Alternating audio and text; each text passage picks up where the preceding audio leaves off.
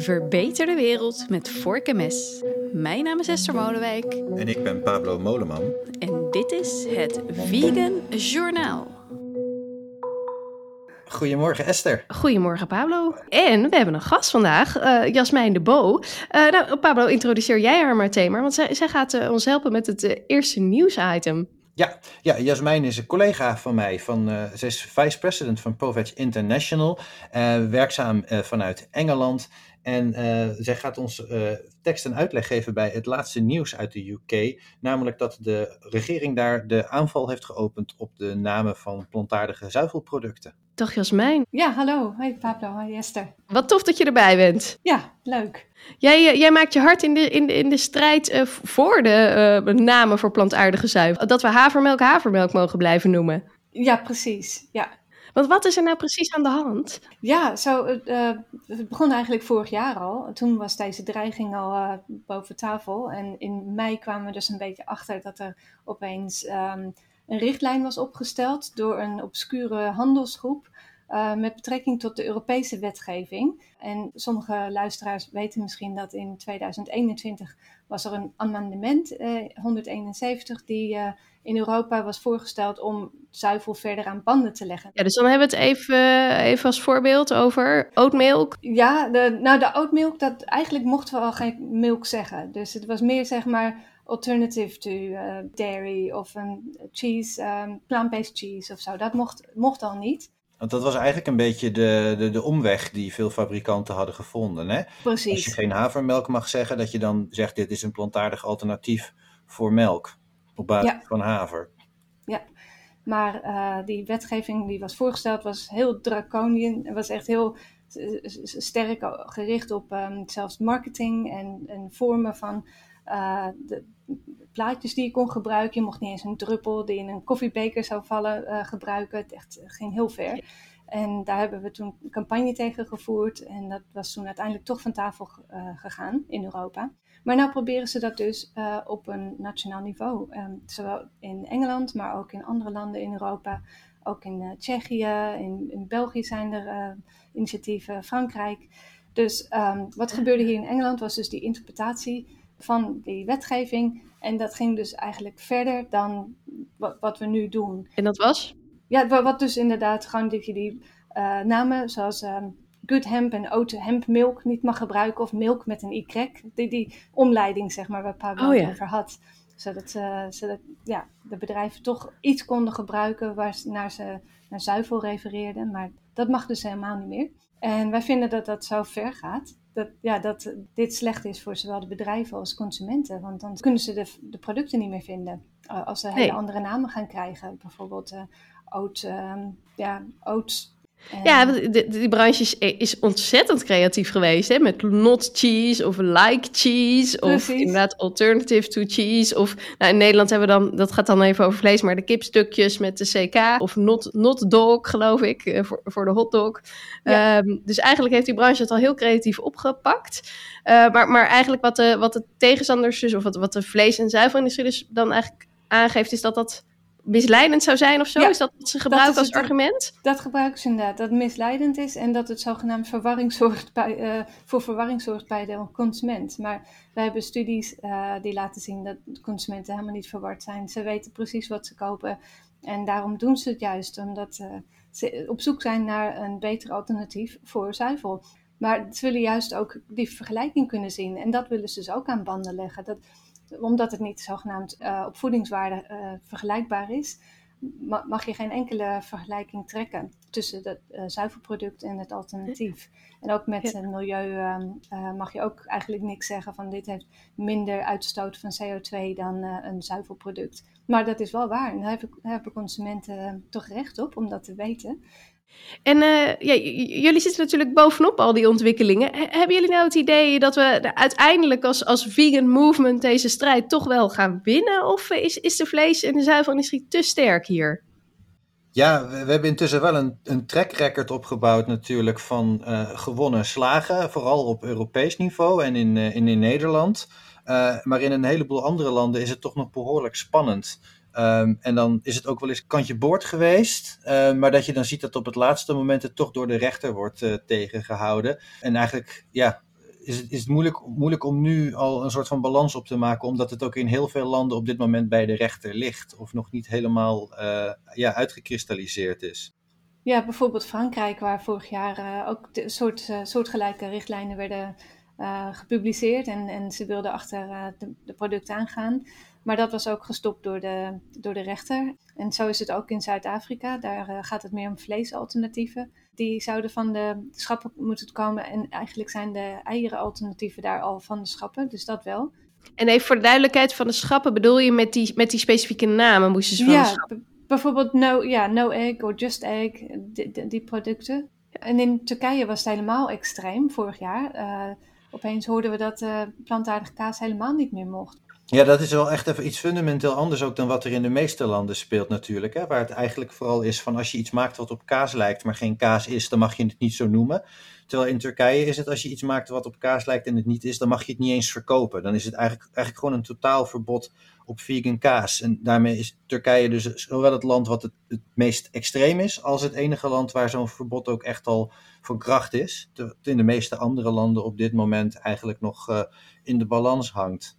Dat is inderdaad ja, extreem. Hoe, hoe, ik vraag me nu eigenlijk af, hoe zit het eigenlijk in Nederland? Wij mogen dit allemaal, toch? Ja, ja we hebben er wel echt een, een, aantal verhitte discussies over gehad. Ik geloof dat we iets van drie edities van Schnitzelgate achter de rug hebben. Dus het is absoluut niet dat de vlees- en de zuivelindustrie het niet geprobeerd hebben. Uh, maar de tegenreactie was ook altijd wel heel erg fel vanuit de samenleving. En vanuit Proveg natuurlijk hebben we daar ook flink campagne tegen gevoerd. Uh, en uiteindelijk is de Nederlandse regering, voor zover ik weet, de enige in de wereld die zich expliciet heeft uitgesproken voor de vlees- en zuivelvervangers. Nou, dus, dus relatief doen we het uh, best goed in Nederland. Zeker, ja. Vergeleken met sommige andere landen. Ja, ja, en de vraag is dus hoe lang dat vol te houden is. Hè? Want als, als andere Europese landen allemaal dit soort wetgeving gaan doorvoeren, dan komt er toch snel een moment dat Brussel zegt we moeten dit harmoniseren. Anders dan kun je tussen landen niet meer goed, uh, goed handelen. En dan ben ik toch bang dat wij als Nederland wel aan het kortste eind gaan trekken. Nou, e eerst de UK dus, uh, begrijp ik. Uh, Tsjechië en de UK, daar zijn we mee Tsjechië bezig. en de UK. België, ja. Zuid-Afrika. België. en overal, ja. En, en ook in de landen waar Proveg niet actief is, ja. uh, daar ondersteunen we wel lokale organisaties, ook met onze kennis en ervaring die we op hebben gedaan bij eerdere campagnes hiertegen natuurlijk. Om Ja. dan ook in die landen dit soort initiatieven te kunnen bestrijden. Jasmijn, heel veel succes met dit ingewikkelde dossier en uh, met de belangrijke strijd. Ja, dankjewel. Fijn, fijn dat je er even bij kon zijn. Ja, zeker. Dankjewel. Nou, dan gaan we gelijk door met het uh, verdere nieuws uh, van de afgelopen twee weken. Er komt een bijzondere nieuwe speler op de vegan kaasmarkt. Dat is namelijk Avico, bekend van de aardappelen. Dat is inderdaad bijzonder. ja, hoe, hoe, gaan zij kaas maken? Ja, nou, op zich is het al langer zo dat er stukjes aardappel te vinden zijn in je, in je vegan kaas. Uh, want traditioneel, uh, de basisreceptuur van heel veel vegan kazen is eigenlijk plantaardig vet met uh, zetmeel uit aardappels. Uh, maar dat is niet wat Avico gaat doen. Die gaan echt de hele aardappel uh, gebruiken om daar uh, kaas van te maken. Smeltkaas voor gebruik in snacks en bijvoorbeeld op pizza's. Het, het, klinkt nog niet direct smakelijk, maar ik kan me voorstellen, zeker op pizza's, dat je ook, dan ben, dan ben je niet echt aan het fijnproeven wat voor kaas je eet. Nee, nee, nee. Sterker nog, heel veel van die pizzakazen, uh, die zijn al voor het grootste deel uh, plantaardig. Gewoon omdat het goedkoper is om, uh, om Oh, ja. plantaardige vetten te gebruiken. En daar zit dan nog een klein beetje caseïne in voor, de, ja, voor, voor, voor de kazigheid, zeg maar. Dus het is eigenlijk al heel erg lang zo dat die kazen in snacks en in pizza's, dat die voor een groot deel plantaardig zijn.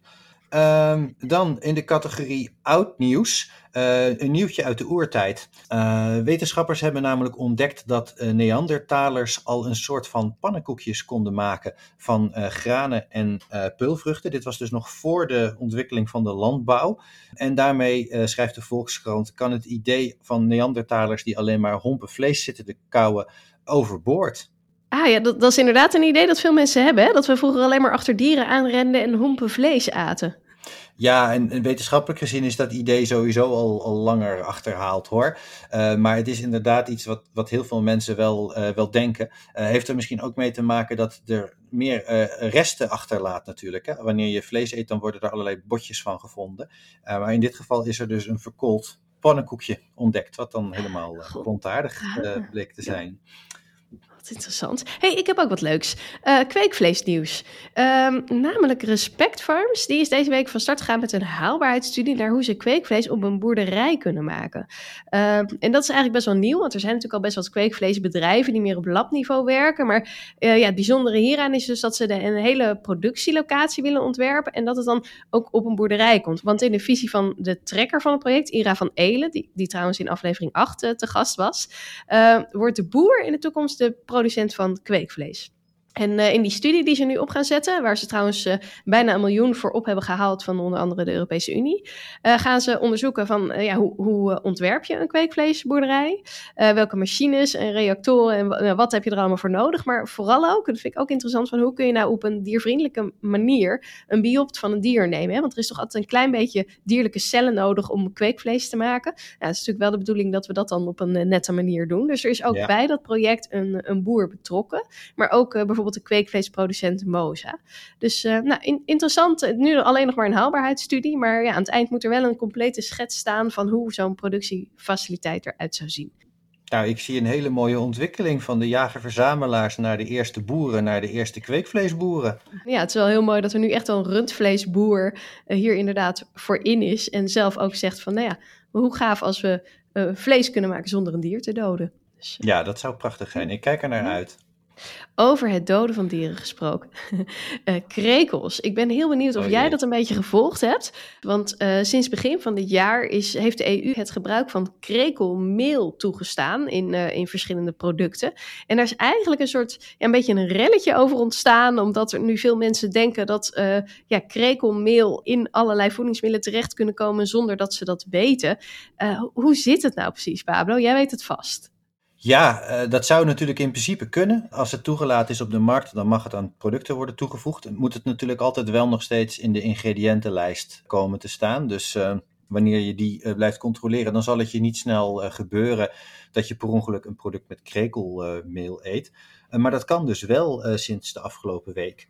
Nou hebben de Nederlandse supermarkten wel gereageerd dat ze vooralsnog geen, geen plannen hebben om dat te gaan doen. Aha, ja, en, en het vegan label was er ook vrij fel over. Hè? Die zei, uh, geloof ik, van bij, bij ons wordt, we krijgen het geen vegan of vega-keurmerk op het moment dat er iets van insecten in zit. Nee, nee, en dat lijkt me ook niet meer dan logisch, uh, inderdaad. En ja, zo'n label geeft natuurlijk een, een, een, extra vorm van, uh, van bescherming voor consumenten. Het is ook zo dat het in principe op dit moment nog geen wettelijke regels zijn over, over welke producten je vegetarisch of vegan mag noemen. Dus uh, in principe zou je zelfs uh, uh, spek door een product heen kunnen doen en, er het, en het vegan noemen. Ik, wettelijk gezien kan dat. Ik, misschien dat dan uiteindelijk een rechter wel bepaalt dat het toch misleidend is op basis van een woordenboekdefinitie. maar er is op dit moment nog niet goed ingedekt. En dat is op zich iets, iets waar die vegan labels dan een, een extra zekerheid in kunnen bieden. Tegelijkertijd zie ik niet zo snel gebeuren dat fabrikanten zoiets zouden doen. En eigenlijk ook niet met krekels. Omdat mijn ervaring met uh, fabrikanten is dat ze juist ongelooflijk angstig zijn om vegetariërs en veganisten voor het hoofd te stoten. En dat ze soms zelfs strenger zijn uh, dan de veganisten zelf in hoe ze hun, uh, hun ingrediënten selecteren. Is het nou eigenlijk een goede ontwikkeling, vind jij? Ik kreeg als dat een beetje tussen wal en schip vallen. Van ja, is dit nou een goede stap in die, in die eiwittransitie wat jou betreft? Nou, nee, absoluut niet. Uh, sowieso natuurlijk bekeken vanuit dierenwelzijn. Hè? Er, wordt, ja, er worden veel mensen die, uh, die, die maken zich daar wat minder druk om, omdat het om insecten gaat. Maar er is eigenlijk geen goede reden om, om aan te nemen dat zij geen pijn zouden kunnen voelen. Sterker nog, er komt steeds meer bewijs dat ze uh, pijn voelen. En dan hebben we het gelijk over astronomische aantallen natuurlijk. Hè? Dus dat lijkt mij een, ja, een hele schadelijke ontwikkeling. Uh, waarvan ik ook verwacht dat we misschien over uh, een aantal decennia erop terugkijken, zoals dat we nu eigenlijk kijken naar, um, naar vissen. Waarvan het ja, nog niet zo heel lang geleden bonton was om te zeggen, die voelen geen pijn. En intussen zijn we er toch wel over uit dat dat, uh, ja, dat, dat onzin bleek te zijn. Dus ik denk dat dit iets is waar we nog wel eens heel veel spijt van kunnen krijgen. Ja, de enige reden waarom je het wel zou kunnen willen, is het milieu. Uh, want insecten zijn inderdaad um, produceren efficiënter met min, minder milieu-impact dan, dan andere dieren. Maar ja, dan heeft het natuurlijk wel alleen zin als we die insecten ook gebruiken om dierlijke producten te vervangen. En dat is nou net, ja, dat nou net niet de manier waarop ik dat tot nu toe heb zien gebeuren. Er zijn wel wat uh, insectenburgertjes op de markt gekomen, maar die concurreren vooral met de groenteburgers. Die dan juist nog duurzamer zijn. Dus dan ben je eigenlijk een nog duurzamer product aan het vervangen door een minder duurzaam product. En verder heb ik insecten zien opduiken in lollies en in koekjes. Eigenlijk ja, niet als vervanging van dierlijke producten, maar als een extra dierlijk product, wat eigenlijk aan een prima plantaardig product wordt, uh, wordt toegevoegd. Dus ja, op die manier zie ik ook het milieu niet echt uh, gebaat zijn bij de, de, ja, die groei in de insectenkweek. Nou, helder. Dus is dus uh, matig goed nieuws. Zullen we het zomaar uh, klassificeren? Of eigenlijk gewoon slecht nieuws? Nou, ik zou ik, voor mij is het slecht nieuws inderdaad, ja. Nou, hè, dan moeten we eindigen met slecht nieuws dit keer. Um, zullen we er dan maar uh, gewoon op inzetten dat we, dat we het volgende Vingerjournaal weer met goed nieuws openen? Ja, laten we daar wel op hopen. Oké, okay, dankjewel weer. Ja, dankjewel.